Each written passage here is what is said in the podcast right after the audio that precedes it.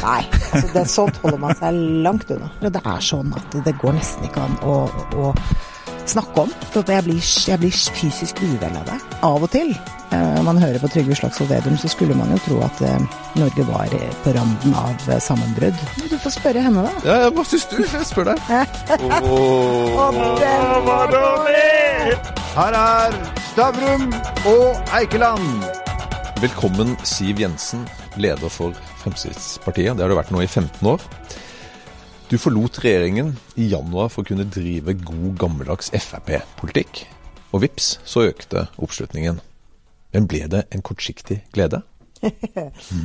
Nja, jeg tenker at uh, det er veldig sjelden noen trær som vokser rett inn i himmelen. Uh, og selv uh, etter at vi forlot regjeringen, så sa jo jeg veldig tydelig til mine egne i hvert fall, at her må det jobbes steinhardt. Um, så, men det er gudskjelov veldig lenge til valget, da. Absolutt. men det, det, er ikke så veldig lenge siden det var jevnt store med Senterpartiet. Nå er de på de siste gallupene over dobbelt så store som dere. Mm. Hva er grunnen til det? Og jeg tror det er mange ting som kan forklare at Senterpartiet vokser. Kanskje først og fremst at de aldri får et eneste kritisk spørsmål. Soser jo av gårde bare med litt sånn kos og latter. Jeg tenker jo at dere i pressen har en liten jobb å gjøre ved å begynne å stille et kritisk spørsmål her og der. Men jeg har nå sett skyhøye målinger for andre partier og jeg, og så har man ja, normalisert seg litt når valget blir et faktum. Men jeg tror nok Senterpartiet kommer til å gjøre et godt valg. Men, men, har de gått under radaren? Altså, for jeg føler jo at også dere partiledere og andre partier har egentlig ikke akkurat stilt så veldig mye kritiske spørsmål til dem inntil nylig. Altså, Det har vært enten Arbeiderpartiet eller Frp eller SV eller Miljøpartiet De Grønne eller Høyre. Men Senterpartiet har liksom gått litt under radaren? Ja, jeg har da gjort uh, opptil flere forsøk, jeg. Men uh, det er uh, et eller annet med å, at journalister må interessere seg litt for det også. Og det er jo altså Det å stille kritiske spørsmål til uh, politikere er jo jobben til journalister, mener jeg. Og derfor så syns jeg det er veldig rart at man har latt uh, Vedum og Senterpartiet bære i fred. Men da skal du få et kritisk spørsmål. Ja, ja nei, jeg, er vant, jeg, er vant, til dette, jeg, vet du. Altså, eh, nå skal jo kanskje lederen i Oslo Frp bli ekskludert. det snakkes om en fryktkultur i partiet. Og nå strømmer kvoteflyktningene inn til Norge. Har du mistet kontrollen på partiet? Altså, punkt én, det strømmer ingen kvoteflyktninger inn til Norge. Det er svært lave ankomster nå som følge av ikke minst pandemien.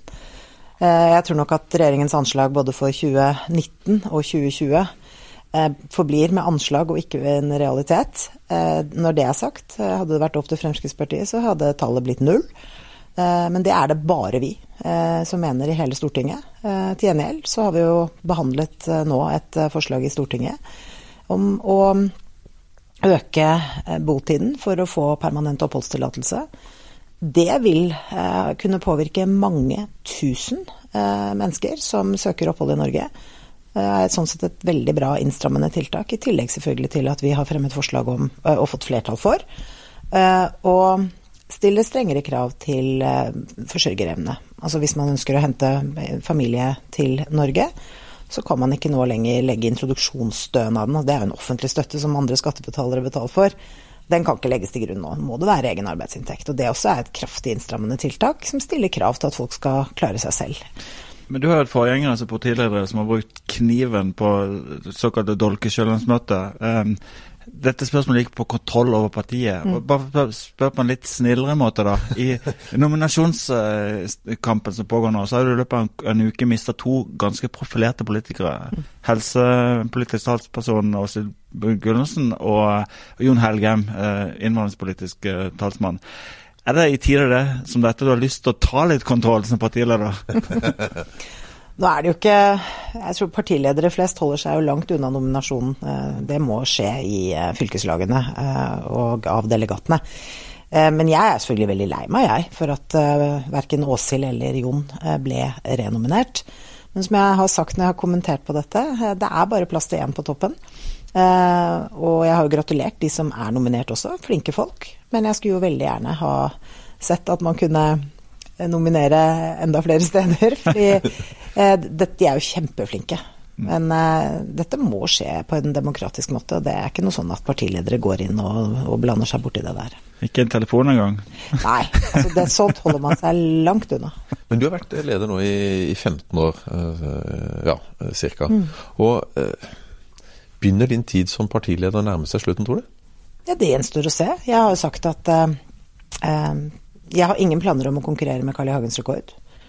Um, han har det. Han er på vei tilbake. jeg har ingen planer om å konkurrere med den, om den rekorden. Um, og så har jeg alltid sagt at for å være partileder, så må man være ekstremt motivert. Fordi det er ikke en sånn 9-4-jobb hvor du kan uh, skru av når du kommer hjem. Uh, pågår døgnet rundt, uh, året rundt. og så lenge jeg har den motivasjonen, så stiller jeg meg til disposisjon.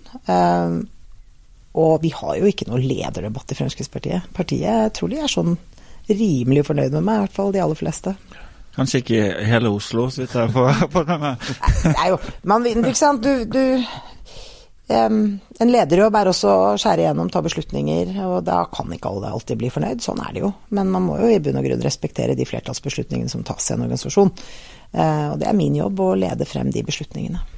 Hvis vi, hvis vi ser litt på ideologi og litt eh, på politikk. og Kommer litt tilbake til Senterpartiet igjen. Så I forrige uke kom det jo et nytt eh, offentlig utvalg som så på distriktene i Norge. og da Mange forslag til hvordan vi som betaler skatt, skal betale folk for å bo på steder de ikke har lyst til å bo. Mm. Er det riktig å betale folk på å bo på hver avkrok i Norge? Jeg er veldig opptatt av at folk skal få lov å bo eh, der de ønsker å bo.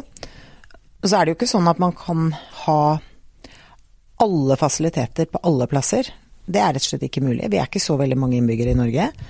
Eh, av og til har det noen konsekvenser å velge å bo litt mer avsidesliggende, men man skal jo ha en grunnleggende eh, trygghet eh, for eh, livet sitt. Eh, ikke sant? Man skal ikke ha altfor lang avstand til helsetjenester eh, eller politi, andre ting. Og så lever vi jo nå i en veldig digitalisert verden og i et digitalisert samfunn som gjør at av og til så syns jo jeg denne her sentraliseringsdebatten tar litt av.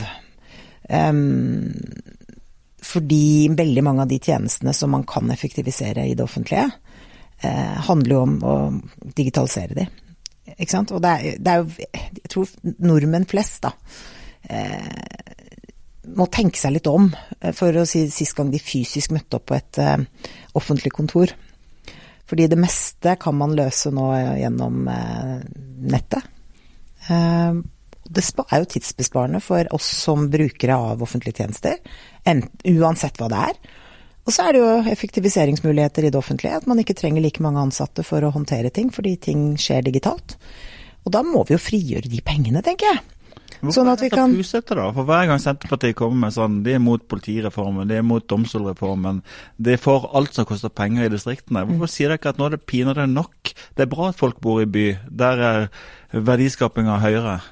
Ja, men så Det jeg sa, er at alle må ikke bo i by. Jeg syns det er fint at folk vil bo der de, der de vil bo, jeg. Ja. Eh, så, men, men, og jeg syns ikke vi er puste heller. Det er gjennomført en politireform. Fordi at Og hovedgrunnen med politireformen er ikke at den skal være sentraliserende.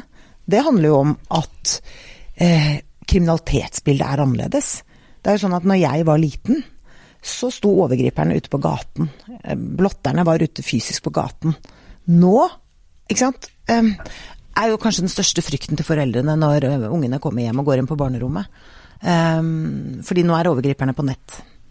Og det er så mange groteske uh, saker som nå avdekkes av politiet. Det er klart det gjør at politiet trenger en helt annen kompetanse. Det, bare, det holder ikke lenger bare med Politihøgskolen. Uh, nå må politiet ansette dataingeniører som må være kompetent på å jobbe med dette virkelig mørke delen av internett, hvor det foregår bestialske ting. Jeg har selv vært og sett en del av de tingene de avdekker, og det er sånn at det går nesten ikke an å, å snakke om. For jeg blir, jeg blir fysisk uvel av det.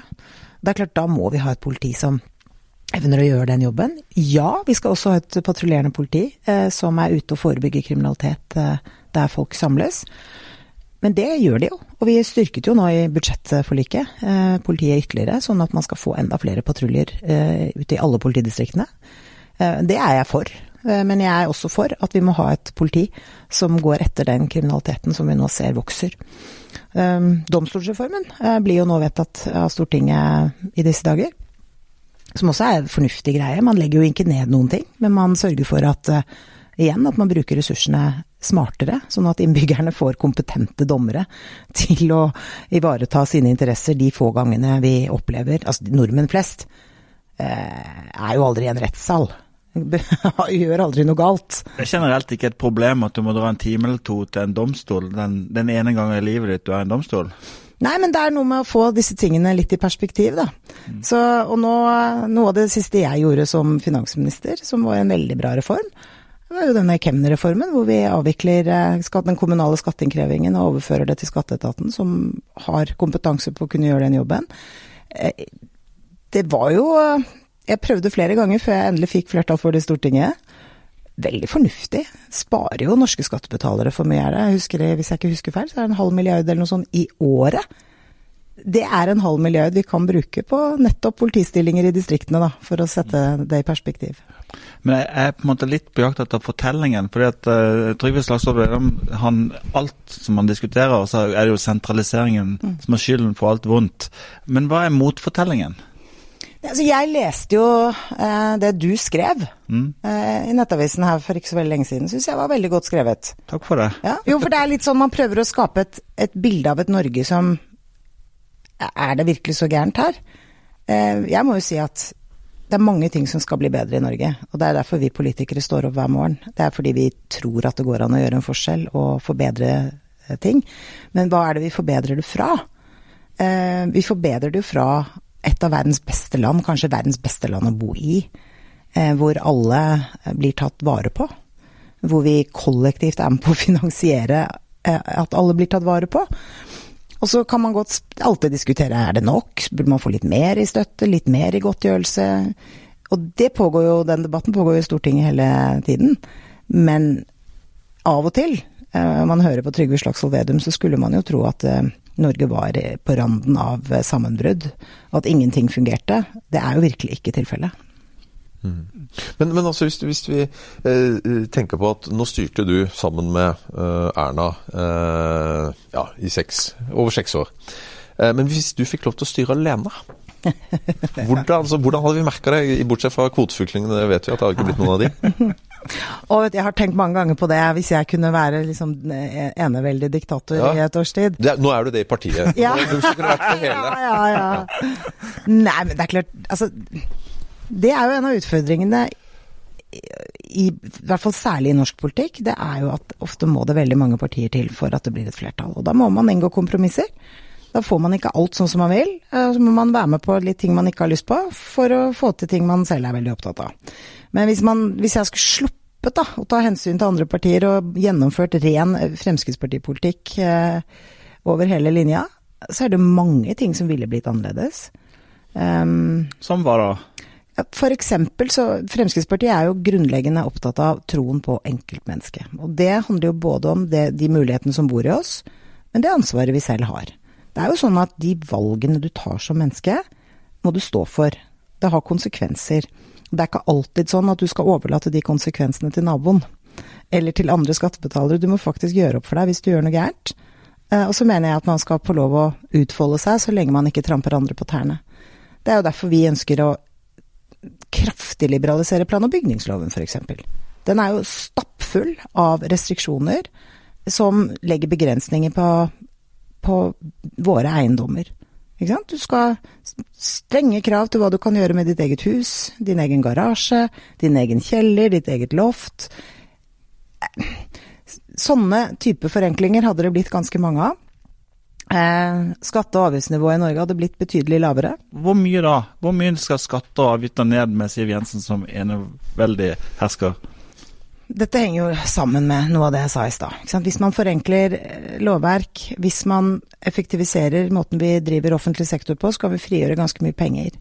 Jeg mener jo at hvis vi skal få lov å beholde mer av vår egen inntekt, så må vi også si at det er helt ok med litt reformer og litt effektiviseringer som gjør at vi slipper å måtte betale såpass mye inn i skatter og avgifter for å finansiere alle disse tjenestene. Men hadde du da styrt, altså skatteprosenten da for en eh, vanlig arbeider, hadde den falt med 5% 10% altså, altså hvordan hadde vi følt det? Altså, hadde momsen blitt halvert? Altså, hvordan hadde vi følt dette? Hadde... Altså, nå, er, nå er Fremskrittspartiet for eh, at vi skal eh, betale avgift på forbruk, da. Det er jo noe av det mer rettferdige måten å, å finansiere ting på. At eh, alt, altså, har du fått en luksusskatt? Nei, men når du, når du, har, når du har, merverdiavgift, så betaler du en avgift hver gang du handler. Handler du mye, så betaler du mye avgift. Handler du lite, betaler du lite avgift. Det er egentlig en ganske fin måte å finansiere mm. ting på. Da kunne man, som vi nå har gjort, tatt bort sjokoladeavgiften og mange andre sånne helt meningsløse særavgifter. Så ser jeg jo nå at det går sånn debatt om hvor eh, man frykter fedme og usunnhet og alt mulig fordi vi har tatt bort en avgift som er over 100 år gammel. Men jeg tror ikke jeg har sett en avgift som er mer klønete laget enn den sjokoladeavgiften. Eh, det, jo, men vi så jo masse på den. Eh, og der er det jo sånn at for noen produkter så ble det sjokoladeavgift, men på andre så ble det ikke, til tross for at jeg hadde like mye sjokolade. Det var litt avhengig av om sjokoladen var inni eller utapå produktet, og det var altså så mye tulleball. Jeg tenker det er veldig greit å bli kvitt sånne, sånne tullete avgifter, som egentlig ikke bidrar til folkehelsa heller. Altså, jeg er opptatt av at folk skal leve sunne liv, jeg. For all del. Men jeg er ikke sikker på om det er en sjokoladeavgift som, eh, som, løser folkehelseproblemet vårt. Jeg tror det må gjøres på en annen måte. Men er ikke det kanskje litt av problemet uh, ditt akkurat nå? At når dere vinner gjennom, så er det en sjokoladeavgift og noen sånne avgifter som kanskje mange føler er okay, er det så veldig viktig? Fins det ikke andre ting som du burde ha kjempa frem og, og så tvunget regjeringen i kne på, enn jo. akkurat det? Altså, det var Vær litt mer meningsfullt, da. Ja, jeg syns jo det egentlig er ganske meningsfullt, for dette handler jo ikke om folk skal spise en sjokoladeplate ekstra i uka. Dette handler om arbeidsplasser. Eh, det er nå engang sånn at vi har jo sett det nå gjennom denne pandemien, nedstengingen, svenskegrensa, at eh, det har blitt mange tusen midlertidige jobber i norsk varehandel i matvarebutikkene. Og de forsvinner jo den dagen folk begynner å grensehandle igjen. Jeg har møtt en del av de folkene som, som dette handler om. Jeg møtte bl.a. en, en tobarnspappa som hadde gått arbeidsledig lenge. Endelig fikk han denne jobben. Og overlykkelig kunne endelig begynne å kjøpe litt ting til ungene sine, for han hadde hatt forferdelig stram økonomi. Som han sa til meg, det eneste han fryktet, det var den dagen pandemien var over, for da mistet han jobben sin. Og kanskje han ikke gjør det nå, fordi vi har eh, redusert grensehandelsavgiftene med nesten 4 milliarder kroner. Det er det dette handler om. Det handler ikke om eh, prislappen på en sjokoladeplate. Eh, fabrikkarbeiderne på Freia jublet. De har nå gått til utvidet med et ekstra skift, flere ansatte. Ikke sant? Det er det dette handler om. Men, I stedet for å smelle igjen alle disse milliardene til svenske kjøpmenn, så kan vi bruke det her. Men la oss, kline til. Herregud, nå er du diktator. Altså, skal, vi bruker 35-40 milliarder i uhjelp i året. Mm. Hvor mye hadde vi brukt med deg? Veldig mye mindre. Null? Nei, ikke null. For jeg tror eh, Altså, vi er jo opptatt av i stedet for å ta imot uh, asylsøkere, flyktninger til Norge, så mener vi at vi bør hjelpe i nærområdene. Da kan vi hjelpe mange ganger så mange mennesker.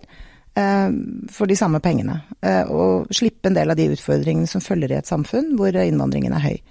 Eh, så vi hadde åpenbart prioritert det. Halvparten, da? 20 og ikke 40? 10? Ja, altså, vi mener at norsk bistand er blitt hinsides stor. Vi har lite kontroll på hvor de pengene går. Det har vært en god del rapporter, også fra Riksrevisjonen, som har pekt på at her har man ikke helt kontroll på pengestrømmen. Så ja, vi ville i hvert fall halvert, og kanskje enda mer også. Eh, fordi det, det, det er gal måte å bruke penger på. Vi begynner med litt sånn enkle ting. Hva med, hva med sånn eh, en prosent eller to til kunstnerisk utsmykkelse av offentlige bygg? Har det overlevd? Nei. Nei. Jeg syns det er veldig fint med kunst på veggene. Mm. Men eh, jeg er ikke helt sikker på om det er norske skattebetalere som skal være med på å finansiere det på, i alle offentlige bygg i Norge. Nå er vi diktator fortsatt. Hva med skjermingsstøtten til landbruket og direkteoverføring til landbruket? 25 milliarder. Og jeg tror vi skal ta et mye større visitt hvis vi skal gå og se på hvordan norsk landbrukspolitikk er utformet. Det er også et lappeteppe som har blitt til over mange, mange år, og som det har vært veldig vanskelig å gjøre noe med. Um, men det burde ryddes opp i. Det burde være mye enklere å importere mat fra utlandet. få mer konkurranse og mer mangfold inn i norske butikker. Større valgfrihet for oss som eh, borgere. Oh, så vi får så argentinsk biff. Ja, men, ja, men sånn, da kan du velge da, om du vil kjøpe argentinsk Ja, biff ja, eller uh, Gilde sin. Og Gilde har masse gode kjøttprodukter, de.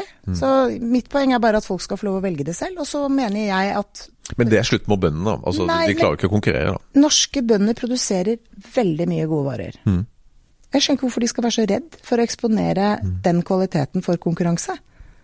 Hvis det er så bra som det de sier det er, og som jeg og veldig mange mener det er, så står det seg i konkurransen. Men det betyr jo ikke at vi ikke en gang iblant kan kjøpe den italienske spekeskinka i stedet for strandaskinke. Um, Hva med 350 eller noe sånt eh, kommuner, rådhus og 11 fylker, eh, eller regioner, hva det heter nå. Hva hadde det blitt eh, utfallet med deg som diktator? I regionreformen hadde vi kastet i søppelkassen. Hadde du lagt ned til Alle fylkene? fylkeskommunene hadde blitt lagt Bort med det. Ja, vi trenger to forvaltningsnivåer i Norge. Vi er et lite land, vi trenger ikke tre. Og egentlig så har vi fire, for vi har jo fylkesmannsembetene i tillegg, og det kan vi også ta bort. Vi tar bort fylkesmennene, vi tar bort fylke, fylkene. Ja. Hva med hvor mange kommuner skal vi ha? Ja, altså, jeg syns jo det aller beste er eh, hvis kommunene selv finner ut at de vil eh, kunne slå seg sammen. Hvem gjør det når du har rådmannsstilling, så har du ikke lyst til å miste den med å slå deg sammen med en annen rådmann? Nei, men det burde ikke være rådmannen som skulle bestemme dette, fordi at det er politikerne som skal bestemme det. Så det er jo ikke rådmennenes jobb å, å bestemme dette. Men Stortinget har jo vært feige der. De har jo bare ikke tatt grep om, om reformen. Ja, det kan du godt si. Eh, det Nå er du burde- diktator. Ja. Hva gjør du? Nei, altså jeg tenker at hvis man begynner å få bort fylkesmannen og få bort eh, regionreformen og fylkene, så har vi gjort veldig mye. Da blir det mer makt til dik diktatoren, da. Men, men, så, så, det det, men, men hvis vi tenker Da blir det mer makt til kommunepolitikerne. Men, men hvis vi da tenker på, på næringslivet altså Jeg regner med at uh, Maggie Thatcher, uh, statsministeren i, i England på, på 80-tallet, hun er vel du er en litt, litt stor fan av? Ja. Hun solgte uh, ut veldig mye av det staten eide. Uh, blant annet eh, British Telecom. British Petroleum. konkurranse på Ja. britisk jernbane, ikke minst, som ble en suksess. Ja. Vil, Og nå har vi jo gjort det her òg. Nå blir det konkurranse på norsk jernbane også. ja, Kjempefint. men Vil du ha solgt unna Equinor? Vil du alle disse altså, Hadde alt det forsvunnet? Det syns ikke jeg haster. fordi at Norge altså Du kan godt ha en prinsipiell diskusjon om det er en statlig oppgave å eie bedrifter. Men ehm, det er jo ikke et problem så lenge vi har mekanismer som gjør at politikerne ikke sitter og blander seg inn i styringen av disse store selskapene. Det er jo en måte å plassere all vår rikdom i. Vi har jo veldig mye penger. Og de pengene skal jo plasseres et eller annet sted. Vi skal forvalte pengene på vegne av eh, innbyggerne våre, sånn at de gir avkastning. Og det er, det, er det sånn at vi bare skal eie eh, deler av bedrifter i utlandet, eller vi kan jo putte noen av penga i våre egne bedrifter også, uten at det er et problem, så lenge eierskapet utøves profesjonelt. Kan- det, jeg tror ikke den, de, de spørsmålene der hadde vært veldig mye mer relevante hvis Norge var et fattig land med stor statsgjeld, og hvor vi trengte penger til å finansiere eh, velferdssamfunnet vårt, men vi gjør ikke det. Men, men når jeg hører deg nå Nå har du vært eh, finansminister i seks år, inntil ja, januar. Eh, du styrte sammen med Erna. Og, når jeg hører deg nå altså det, det er jo ikke mye av dette som ble vist når du var finansminister. Altså Det var jo relativt lite av dette. Ja, da var vi tilbake Faktisk egentlig til- ingenting. Da var vi tilbake til de der Ja, jo, jo, jo, jo, og da kommer det til spørsmålet mitt her, da. Er Erna for veik? Altså, altså, klarer, altså, klarer hun egentlig å Ja, altså Hun mener jo helt sikkert noe av det samme som deg også på visse områder, men hun gjør jo ikke noe med det. Du får spørre henne, da. Ja, ja, Hva syns du? Jeg spør deg. Jeg skulle jo gjerne sett at vi kunne gjort litt mer av det vi har snakket om nå. Ja. Men det var ikke så lett, det. Nei. Nei. Eller- eller Men det, er ikke, det har jo ikke bare med Erna å gjøre heller, da. Vi hadde jo et KrF og Venstre som er enda mer engstelig for eh, å gjøre noe som helst. Ja, fordi at jeg synes jo på en måte i den grad jeg hører følelse i uttalelsene dine nylig, så er det de gangene jeg hører litt irritasjon, det er når du beskriver samarbeidet ditt med KrF og Venstre. Det har du ikke mye lyst til å gjøre igjen. Nei, jeg er litt forsynt med det, ja. Men er det overhodet mulighet til å få noe flertall for borgerlig politikk eh, uten å ha sentrum med på laget? Eh, altså, man sier at det visstnok er sånn at eh, det det er avhengig av hvilke partier som kommer over under sperregrensa i forhold til hva, hva slags flertall det blir. Men det kan jo ikke nødvendigvis være en fastmontert sannhet for all uh, mulig fremtid. Det er jo litt opp til velgerne også, da, å bidra til dette. Um, men nå ser jeg jo at KrF får seg en konkurrent i sentrum. Um, Suppe i sentrum, som det Ja, heter. det begynner å bli litt trangt der. Ja. Men, men hva, er, altså, hva er Ernas største problem med KrF og med, med Venstre? Altså, Hva er det som ligger der? Hva, hva, hva, er, det, hva er hennes største problem? Nei, altså det er jo i I de siste snart åtte årene, da, så har det jo flertallet i Stortinget utgått eh, blant de fire partiene. Um, jeg mener det største problemet er at partier som ligger nær ved sperregrensen, får for mye makt. De får påvirke for mye i forhold til oppslutning, eh, og det syns jeg ikke er riktig. Jeg tror veldig mange innbyggere i Norge er litt lei av det der. Um, at det må være en sammenheng mellom hvor eh, stort partiet er og hvilke gjennomslag partiet får. Um, og jeg men vil nok si at Erna har vært litt i overkant gavmild mot uh, KrF og Venstre. Jonas eller Trygve som statsminister? Ingen av de. Ingen av de. Litt tilbake til overordna ideologien. Eh, Margaret Thatcher ble kjent for utsagnet at samfunnet finnes ikke. Det er familien og individet som finnes. Eh, hva, hva vil du si om et sånt utsagn? Jeg er delvis enig i det. Fremskrittspartiet jo veldig, sier jo alltid at eh, vi tar utgangspunkt i individet og familien som kjernen eh, for, for det å være i et samfunn. Men vi har jo et Altså, jeg liker jo ikke ordet velferdsstaten. Jeg er mye mer opptatt av velferdssamfunnet. Og det har jo å gjøre med at jeg tror på den private skaperkraften. Jeg tror på konkurranse, jeg tror på mangfold. Jeg tror ikke på monopoler. Men monopoler er det verste som bedefarer vederfarer innbyggere, for da mister man valgmuligheter, og ting blir ofte dyrere og dårligere enn det kunne blitt hvis man får ja, stimulert til nytenking og innovasjon. Eh, og vi har jo sett det på alle områder i samfunnet som er utsatt for konkurranse. Så er det innbyggerne og forbrukerne som tjener på det. Vi står jo nå igjen med en litt sånn merkverdig debatt i dette landet. Eh, at de områdene vi virkelig ikke skal åpne opp for konkurranse, ifølge noen, det er på eh, helseområdet, på eldreomsorg, på skole, og egentlig ikke på barnehage heller. Jeg vil jo mene at det blir et mye fattigere samfunn av det. Jeg vil forbeholde meg retten til å velge bort en dårlig barnehage til en bedre. Til å velge bort et dårlig sykehjem eh, til fordel for et bedre. Og jeg mener at alle innbyggere i dette landet skal ha den retten og den muligheten, uten at det er lommeboka som skal eh, styre det valget. Men da må man slippe kreftene til. Eh, eh, og nå ser man jo i alle liksom, rød-grønn styrte byer at man går motsatt vei. Ta bort mangfoldet. eh, Lager utfordringer for private sykehjem. Nå finnes det jo, og det høres jo ut på, på debatten som om vi, vi, vi velter oss i private sykehjem i Norge. Det finnes fire igjen, og to av dem er i Oslo og er snart eh, historie. Det blir ikke valgfrihet for eh, eldre mennesker av det, altså. Men da er vi litt uh, inn på det problemet med, med styring, styringen man har i Norge i dag. Altså, eh, Hvis det er en rød-grønn flertall i fire år, og så fjerner de alt, og så kommer det blått, og så åpner de opp. Altså, du, du trenger jo langsiktighet hvis du skal investere i, i alt dette her. Det, det er jo klin umulig å drive eh, sånn som det ser ut som nå. Jeg skjønner jo veldig godt at eh, en del uh, privatkapital vegrer seg for å gå inn på en del av disse områdene, fordi usikkerheten er kjempestor. Og mange har jo brent seg litt òg, ikke sant. I Oslo så lå det jo veldig godt til rette for mangfold og konkurranse. Inntil uh, Raymond Johansen og Lan Marie Berg og kompani tok over styringen av Oslo. Innførte eiendomsskatt. Uh, Og begynte å virkelig kjeppjage alle som hadde investert, enten det var et privat sykehjem eller private barnehager. Jeg syns det er helt galehus. Ansatte litt direktører og sånn. Ja, det har de gjort. Men det, det har jo, så vidt jeg oppfatter, så har det vært en slags konduite i politikken at du ikke på en måte omgjør nødvendigvis reformer sånn helt tilbake til utgangspunktet hver gang du bytter regjering. Og nå, nå, nå, jo, nå syns jeg jeg hører kommentarer på det hele tiden, at hvis vi får makta, skal vi gjøre om Mm. Sånn, det skal på en måte fylkeskommunen, regionreformen omgjøres. Så eh, Der kommer jo kanskje Fremskrittspartiet til å komme på vippen. Kommer dere til å eh, Blir det noe bedre av at Troms og Finnmark eh, skilles igjen? Nei da. Nei. Det blir mye bedre hvis man tar bort hele, hele denne regionsgreia. Det er jo bare tull. Og det man har sett, altså hele nå, nå var jo det noe vi litt motvillig eh, ble med på, og vi tenkte jo som så at det er bedre da med noen regioner enn eh, alle fylkeskommunene.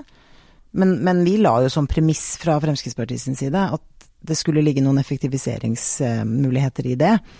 Men det vi har sett, er jo at man rundt omkring i disse regionene har gått helt bananas med skattebetalernes penger på å ansette direktører og lønne seg sjøl og altså det er jo en del av disse um, Fylkespolitikerne er jo eksepsjonelt godt betalt. Eh, og konkurrerer jo med stortingsrepresentanter og statsråder enkelte plasser, og det, jo, det, det hører jo ingen steds hjemme. Men du er, jo, du er snill med kommunepolitikerne, for jeg har jo sett akkurat det samme der. Så hvorfor stoler du på lokalpolitikere i hele tatt? Nei, men jeg syns ikke det går an å sammenligne det, faktisk. Det er mer nøysomhet og nøkternhet i Kommune-Norge mange plasser. Ikke alt. Det er mange som eh, nok trenger å se seg litt i speilet, men jeg vil si gjennomgående er det en mye større grad av nøkternhet i, eh, blant kommunepolitikerne. Men um, vi må innom eh, covid sånn begynner, jeg skal nærme oss slutten. Men um, vi er jo en næringslivspodkast, og har, eh, har regjeringa gjort nok for å støtte opp om de bransjene som, som sliter nå? Jeg mener at regjeringens store problem har vært at de har kommet for seint med tiltak som treffer. Og det har jo på en måte blitt litt vår jobb å rydde opp i. Um, og jeg mener det neste problemet nå er jo at selv om vi har vedtatt og fått på plass nye eh, tiltakspakker og støtteordninger som er som også vil kunne komme restaurantnæringen til gode, så kommer jo utbetalingene først eh, langt ut i januar. Og det er ikke alle som klarer å overleve frem til januar. Um, og derfor så mener jeg jo at regjeringen gjorde, har gjort en for dårlig jobb eh, fra de første tiltakspakkene kom i mars-april til nå. Når de hele tiden selv har snakket om at det kunne komme en ny nedstenging, og så har de ikke bedre forberedt mm. enn at de ikke hadde et utbetalingssystem klart. Men det er veldig vanskelig for Stortinget å sitte og snekre det. Det, det, kan vi jo ikke gjøre. Eh, men det burde regjeringen ha gjort. Og i påvente av at man kan få på plass en god utbetalingsløsning, så burde de prøve å stille opp med noen garantiordninger eller et eller annet. For det er alvor for fryktelig mange mennesker. De står uten jobb, uten inntekt. Men, men, men altså, vi, har jo færre døde i Norge i dag mm. uh, enn det vi hadde i fjor. Mm. Eh, altså, Har disse tiltakene vært for ekstreme? Har regjeringa mm. bare sånn, blitt helt blinde og bare tenkt ok, vi skal være best i klassen og ha null, null, null på alt når det gjelder smitte? Og død og alt? Det der er en uh, krevende debatt. Ja. det er jo sånn i Norge uh, og en del andre land også, selvfølgelig, at det er den valgte, eller den, den sittende regjering som utøver smittevern. Så Stortinget sitter jo ikke og vedtar hva som skal stenges ned og opp og åpnes hit og dit. Det må være regjeringens jobb å gjøre de vurderingene sammen med helsefaglige myndigheter. Men dette skal jo evalueres på et tidspunkt, og det sitter jo en sånn kommisjon og jobber nå. Um, den evalueringen blir veldig spennende. Men det er litt sånn Jeg, jeg vegrer meg veldig for å um, begynne det derre liksom svarteperspillet der, fordi at det er veldig lett å sitte i etterpåklokskapens lys og si at det burde man ikke gjort, og det burde man ikke gjort. Men der og da så må noen faktisk ta den beslutningen. Absolutt. Uansett hvor tøff og vanskelig den beslutningen er. Og det er jo vært rimelig bred oppslutning om at eh, man har gjort de tingene man har gjort. Så tror jeg folk flest begynner å bli veldig koronaslitne. Mm. Men, er, du, er, du, glad for at ikke Anders Tegnell er statsepidemiolog i Norge? ja. ja det, det. har du kjøpt julegavene dine i år? Ikke alle. Hva ønsker du til jul? Fred og ro. ikke fred jord, på jorden. Det er, det er egentlig litt deilig. I min familie så har vi kuttet ut sånn veldig mye julegavekjøping. Vi kjøper til barna, og så bruker vi heller penger på litt hyggelige opplevelser eh, sammen. Jeg syns det er så fantastisk mye bedre, fordi at livet er hektisk.